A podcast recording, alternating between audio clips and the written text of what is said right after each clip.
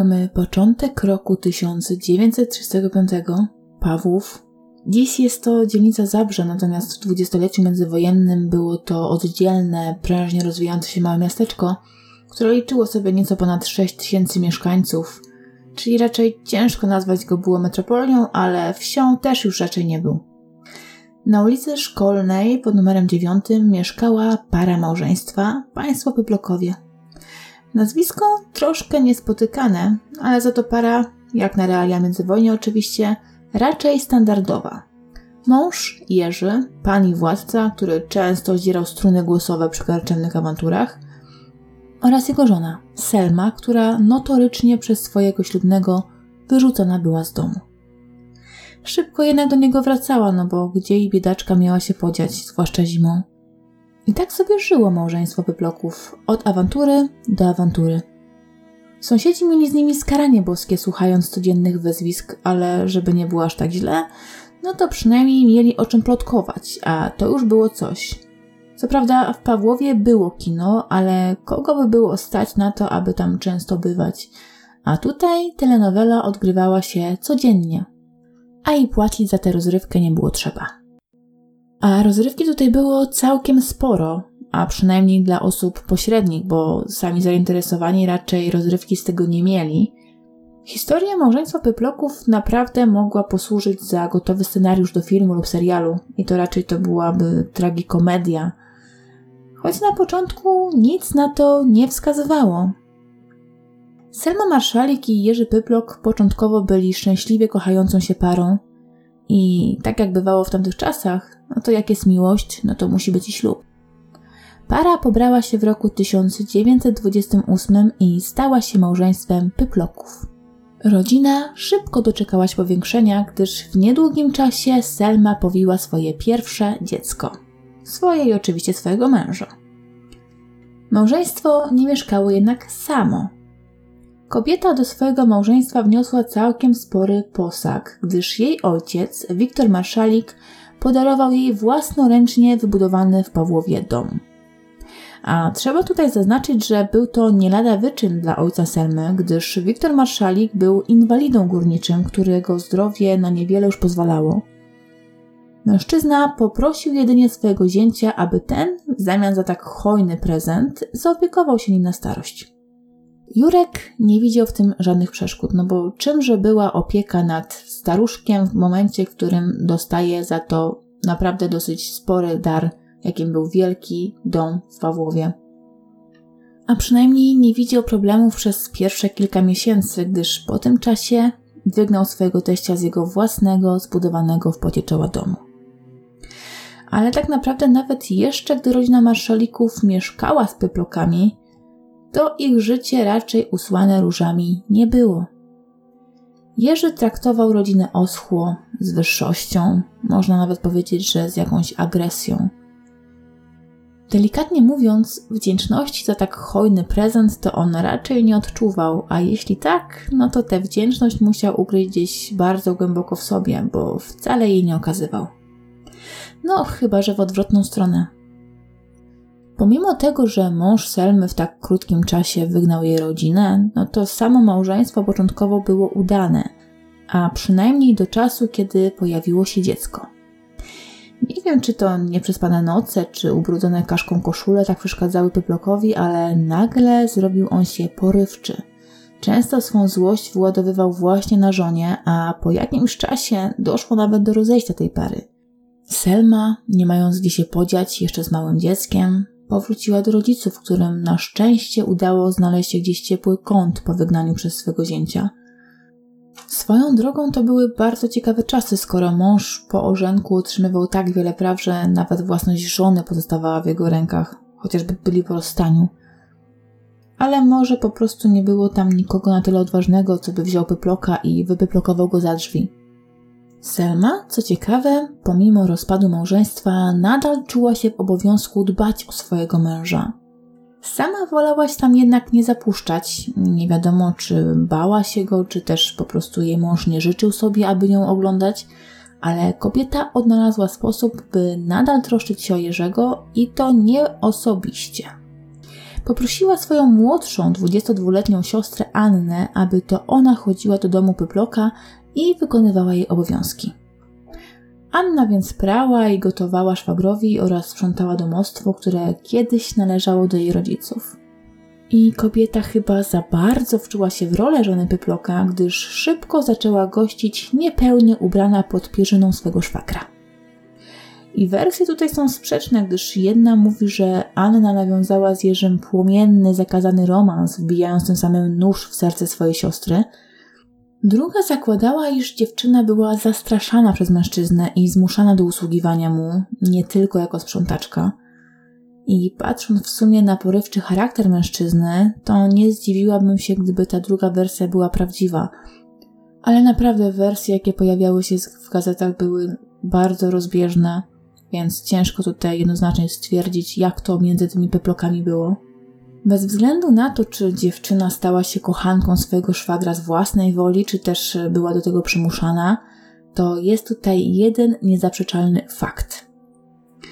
Zachodzi ona z mężczyzną w ciąży. I wtedy cała sytuacja wychodzi na jaw. Przynajmniej oficjalnie, bo nieoficjalnie być może już sytuacja była znana. I jak myślicie, Jakie są tego konsekwencje? Pyplok zaczął sypiać ze swoją szwagierką, jednocześnie zapładnia ją niestety. Z żoną też ma małe dziecko. Mówię z żoną, ponieważ pomimo tego, że para się rozeszła, to oficjalnie rozwodu nie otrzymała. Powstaje tutaj taki bardzo specyficzny trójkąt miłosny. No i co?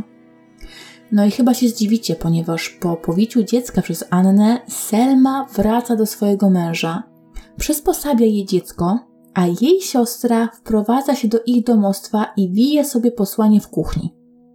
Anna, Selma i Jerzy zaczynają tworzyć naprawdę dziwny rodzinny trójkąt. Biedna Selma musi wychowywać swoje dziecko, dziecko jej męża, które urodziła jej własna siostra, a dodatkowo mieszkać z Anną, wiedząc, że ta jest kochanką Jerzego. I to wszystko w międzywojennej Polsce, chociaż brzmi to jak jakaś brazylijska telenowela. Stało się tak, ponieważ Selmę przymusiła sytuacja do tego, aby zachować się właśnie w taki sposób. Bliższa i dalsza rodzina twierdziła, że trzeba zapobiec dalszym skandalom i zakończyć tę sytuację w jak najłagodniejszy możliwy sposób. Faktycznie, stworzenie miłosnego trójkąta pod jednym dachem i oddanie Selmie dziecka i siostry na wychowanie brzmi bardzo sensownie, prawda? Ale cóż, czasy były jakie były. Selma zaaprobowała ten pomysł i nawet za bardzo się nie skarżyła chyba na swoje życie. Próbowała zaadaptować się w nowej sytuacji najlepiej jak umiała. Nie docenił tego jednak jej zaborczy mąż, który zdecydowanie wolałby swoje życie układać z młodszą i bardziej uległą Anną. No ale wola wolą, a życie życiem. Żona tutaj stała na przeszkodzie. I choć Selma starała się jak mogła, Jerzy często czynił jej wyrzuty oraz wszczynał awantury. Kobieta jednak nie pozostawała mu dłużna. Bardzo często wypominała mu romans z jej siostrą oraz to, że z tego romansu niestety urodziło się dziecko. Takie kłótnie bardzo często kończyły się wypędzeniem Selmy z domu. Nie na długo jednak, gdyż kobieta ostatecznie zawsze wracała. Cała ta sytuacja była dość specyficzna. Nie do końca jest tutaj znana w tej historii rola Anny, czy była ona po stronie swojej siostry, a Pyplok jedynie ją steroryzował, czy też po prostu cynicznie i z premedytacją została kochanką swego szwagra. Nie wiadomo dlaczego zamieszkała z małżeństwem Pyploków, czy chciała być blisko swego dziecka, a może to Pyplok zażądał, aby jego kochanka została częścią tej rodziny – a może po prostu Selma tak sobie zażyczyła, że przysposobi dziecko swojej siostry, ale to ona ma się tak naprawdę nim opiekować. Ale czy Anna w ogóle chciała mieszkać z rodziną swojej siostry? No to niestety w tej historii jest y, to pytanie bez odpowiedzi. Jest w ogóle kilka takich pytań bez odpowiedzi, a my możemy sobie tylko gdybać. Wiadome było, że małżeństwo Pyploków do zgodnych nie należało, a Selma w tym pożyciu małżeńskim szczęśliwa nie była, i to tak delikatnie mówiąc. Raczej żadna kobieta nie marzy o tym, aby jej mąż jawniej na jej oczach zdradzał ją i to z jej własną siostrą. Wychowywanie dziecka poczętego z romansu męża jak swojego raczej również do wymarzonych czynności nie należało. Zwłaszcza gdy od sobie poślubionego zamiast wdzięczności dostaje się tylko razy i wyzwiska. 24 stycznia 1935 roku Jerzy Pyplok z samego rana rozdygotany informuje sąsiadów, iż jego żona tej nocy odebrała sobie życie. Widać, kobieta miała dość piekła, jakie zgotował jej mąż i postanowiła tę mękę zakończyć. Trzeba przyznać, że w sytuacji, w jakiej znalazła się kobieta, to chyba nawet największy anioł w końcu by nie wytrzymał. Ale ponieważ sytuacja była szczególna, a jej tło nie do końca znane, no to na miejscu pojawia się policja oraz służby ratunkowe. Na ratunek jest już jednak za późno. Funkcjonariusze po przekroczeniu progu sypialni Pyploków odnajdują Selmę klęczącą obok krzesła, czy też według innej wersji obok łóżka. Na jej szyi zaciśnięta była pętla zrobiona z prześcieradła. Druga część tkaniny była przywiązana do obramowania. Nie ma najmniejszej wątpliwości, że kobieta niestety nie żyje. Ratownik medyczny zaczął już powoli nawet pisać raport o odnalezieniu ciała nieszczęsnej kobiety, gdy nagle policjant zauważa pewien mały detal, który nada śledztwu nowy bieg. Na koszuli nocnej kobiety widać ślad wosku. Należy tutaj przypomnieć, że dawniej elektryczność nie była tak często spotykana jak w czasach dzisiejszych. W nocy, gdy potrzebowano oświetlić sobie izbę, no to najczęściej zapalano świece – bogaci może jakieś lampy naftowe, no a tutaj bogactwa nie ma, więc tutaj zeszłej nocy musiała być zapalona świeca, ponieważ ślady na koszuli denatki były świeże. Był tylko jeden mały szkopuł. W pobliżu ciała Selmy nie było żadnej świecy. Jeżeli więc kobieta oświetliła sobie swoją ostatnią drogę, no to gdzie ta świeca się podziała? Jeśli postanowiła odebrać sobie życie po ciemku, no to skąd ślady wosku? Ta zagadka dość szybko się rozwiązuje, gdyż spod pętli zarzuconej na szyję kobiety zdają się przebijać ślady palców. Nagle więc staje się dla wszystkich jasne, że ktoś najpierw pomógł kobiecie zakończyć żywot, a dopiero później, oświetlając sobie pomieszczenie, pobrudził jej koszulę woskiem.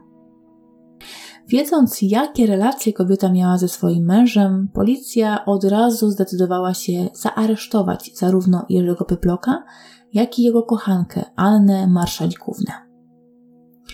Początkowo para zaprzeczała, by brała jakikolwiek udział w zbrodni.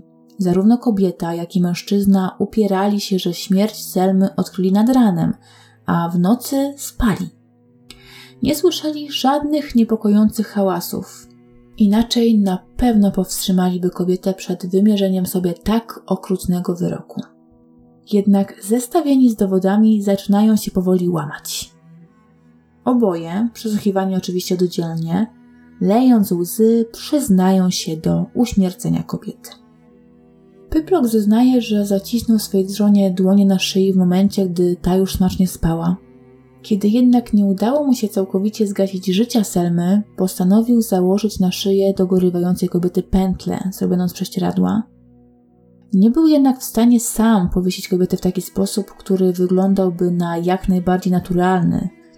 Udał się więc do kuchni i zbudził swoją kochankę. Ściskając w ręku świecę, zakomunikował jej, co właśnie uczynił i poprosił ją o pomoc. Anna, ujrzawszy ciało swej siostry leżące bez ducha na łóżku, zemdlała. Na nogi postawił ją pyplok, żądając, by kobieta pomogła mu podnieść donatkę. We dwoje poszło im zdecydowanie szybciej. Teraz wystarczyło jedynie czekać do rana.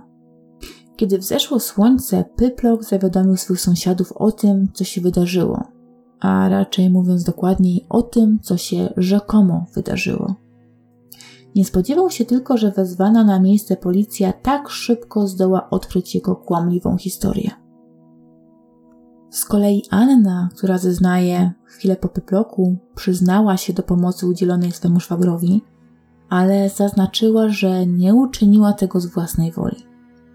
Załamana kobieta zeznała, że Jerzy nieustannie jej groził, Za nieposłuszeństwo kobieta miała stracić życie tak samo jak jej siostra.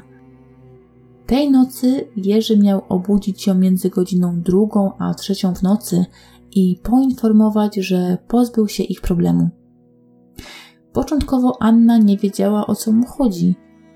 Wybudzona nagle ze snu nie potrafiła połączyć faktów, a sylwetka szwagra trzymającego świecę jawiła się jej niczym zjawa. Dopiero po chwili dotarła do niej ta smutna prawda. Bojąc się jednak agresywnego szwagra, kobieta pomogła mu pozorować ciało Selmy tak, aby wyglądało na śmierć bez udziału osób pośrednich. Później para nie spała aż do rana, oczekując wschodu słońca. Gdy tylko nastał świt, Pyplok wyszedł z mieszkania i poszedł poinformować swoich sąsiadów o tym, co rzekomo odkrył nad ranem. Przybyła na miejsce ekipa ratunkowa nawet nie próbowała ratować kobiety. Niestety nie żyła ona już od kilku godzin. Widocznie Pyplok miał nadzieję, że ze względu na jego nieudane pożycie małżeńskie, policja dość szybko uwierzy, że śmierć kobiety była desperackim, samodzielnym aktem jego żony. Na całe szczęście przybyli na miejsce funkcjonariusze mieli nieco więcej szarych komórek niż niedoszły geniusz zbrodni. Na nieszczęście Pyploka jego znane wszystkim w okolicy awantury z żoną i jego agresywny stosunek do małżonki, do w ogóle całego otoczenia – spowodował jedynie, że policja bardziej skupiła się na sprawdzeniu, czy to czasem awanturnik nie miał na pewno nic wspólnego z jej odejściem. Po odkryciu plam z wosku oraz śladów palców na szyi denatki stało się dla nich jasne, że Jerzy Pyplok na pewno musiał maczać palce w śmierci swojej żony. Nie wiem do końca, co działo się z dziećmi w trakcie całej tej nieszczęsnej nocy. Dziecko Pyploka i jego kochanki w chwili popełnienia zbrodni miało już prawie półtora roku. Nieznany jest tutaj wiek dziecka Selmy i Jerzego, ale licząc razem czas jej wyprowadzki, ciąży jej siostry oraz wiek jej przysposobionego dziecka, no to maluch mógł mieć gdzieś w okolicy trzech lat. To już całkiem spory wiek, jak na dziecko oczywiście – a może było nawet jeszcze starsze. Nasuwa się jednak tutaj parę pytań. Czy dzieci przespały całe wydarzenie? Czy może były niemym świadkiem zbrodni, jakiej dokonał ich ojciec? Na te pytania niestety nie znamy odpowiedzi. Anna oraz Jerzy zostają zatrzymani i osadzeni w areszcie, gdzie oczekują na proces. Sprawę rozpatrzył Sąd Okręgowy w Chorzowie, i jako, że sprawa ta dotyczyła niecodziennego trójkąta miłosnego, no to chyba nie muszę tutaj wspominać, że wzbudziła naprawdę wielkie zainteresowanie wśród ludności, co oczywiście przełożyło się na zapełnioną salę rozpraw. Pyplok, ku zdziwieniu wszystkich obecnych na sali, podczas rozprawy odwołał wszystkie swoje wcześniejsze zeznania – Teraz twierdził, że ze śmiercią swojej małżonki nie miał za wiele wspólnego.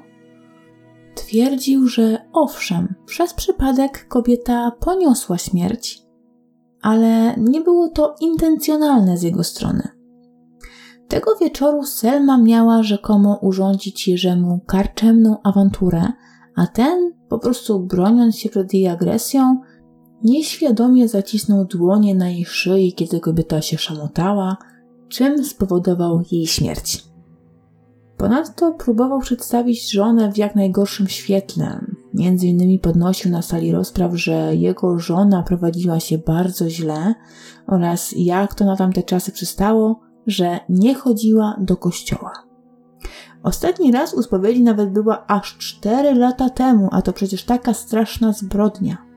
Ma to przecież wielkie znaczenie, ponieważ od razu wiadomo, że gdyby była w zeszłym tygodniu, no to Pyplok by tak świętej żony na pewno nie ważył się tknąć, prawda?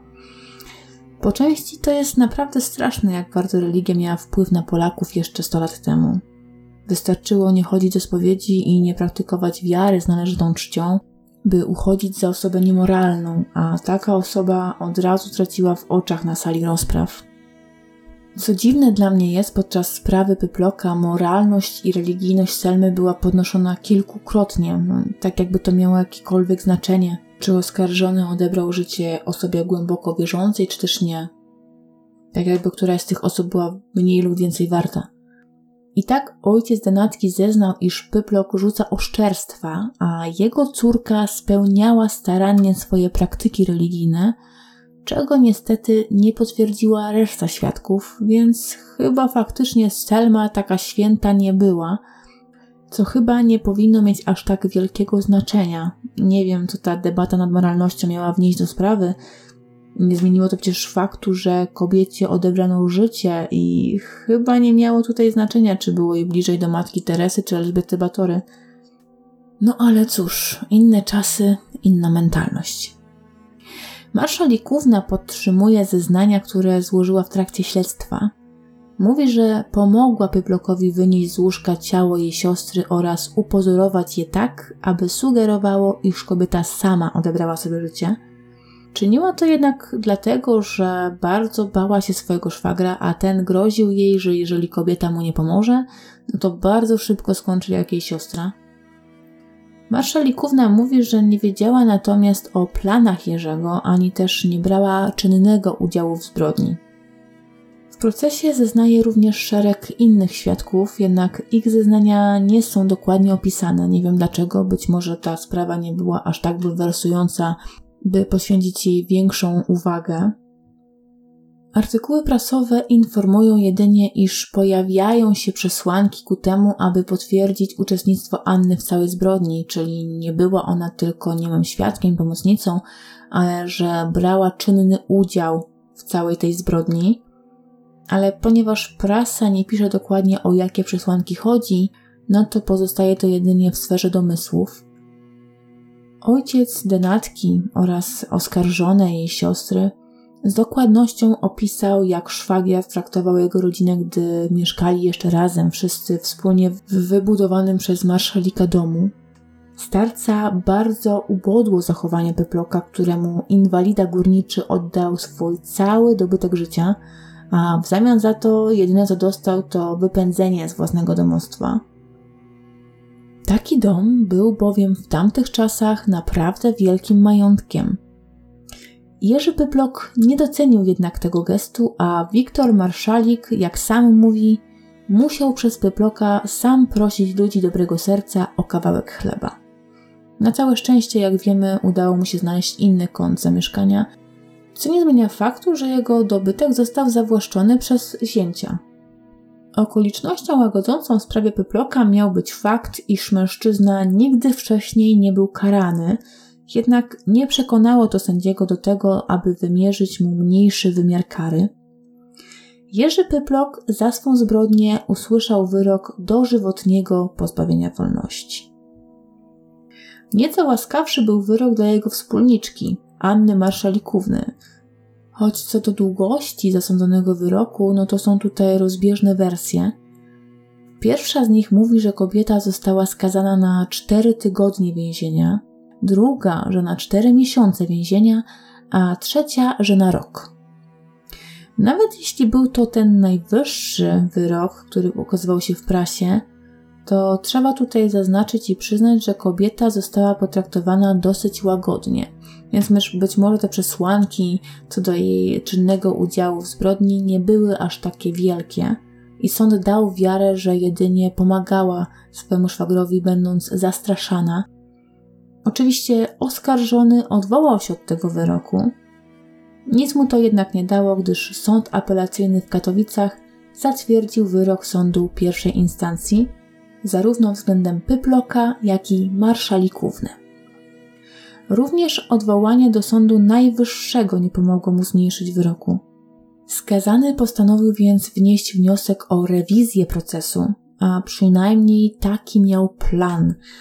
Ostatecznie po spłynięciu akt sprawy do ponownego rozpatrzenia przez Sąd Okręgowy w Chorzowie, obrońca Pyploka zdecydował się nie składać wniosku o rewizję. Nie wiadomo tutaj, czy sam Pyplok się rozmyślił, czy to jego obrońca mu to odradził i stwierdził, że nie ma szans na niższy wyrok, ale tym samym kara dożywotniego pozbawienia wolności stała się prawomocna. Jerzy Pyplok już do końca swych dni miał siedzieć za kratami zakładu karnego w Wiśniczu. Wielką niewiadomą jest tutaj postać Anny Marszalikówny. Czy faktycznie była ona zastraszana przez swojego szwagra? Czy brała czynny udział w pozbyciu się swojej siostry? No i tak naprawdę, co stało się z dziećmi? Czy tym razem to Anna zajęła się dzieckiem swojej zmarłej siostry po wyjściu z więzienia? Czy pomagali jej rodzice? Czy to oni zajęli się dziećmi, kiedy to Anna była w zakładzie karnym? A może dzieci trafiły gdzieś do obcych domów, do obcych rąk? Te pytania niestety pozostaną bez odpowiedzi. Ja jedynie ze swojej strony mam nadzieję, że dzieci nie były świadkiem całego zajścia, zwłaszcza to starsze dziecko, które już było raczej na tyle świadome, że wiedziałoby, co się dzieje, jeżeli miało 3-4 latka, oczywiście. Trzyletnie czy czteroletnie dzieci są już naprawdę kumate. Standardowo dajcie znać, co wy sądzicie o tej sprawie, jak zapatrujecie się na takie sprawy trójkątów miłosnych, ponieważ mam jeszcze kilka takich spraw i nie wiem, czy jest sens je przedstawiać na kanale, jeżeli są do siebie podobne. Chciałabym więc poznać Waszą opinię na ten temat. A ja dziękuję Wam bardzo za wysłuchanie dzisiejszego odcinka, choć nieco krótszego niż zwykle. Trzymajcie się ciepło. Do szybkiego usłyszenia.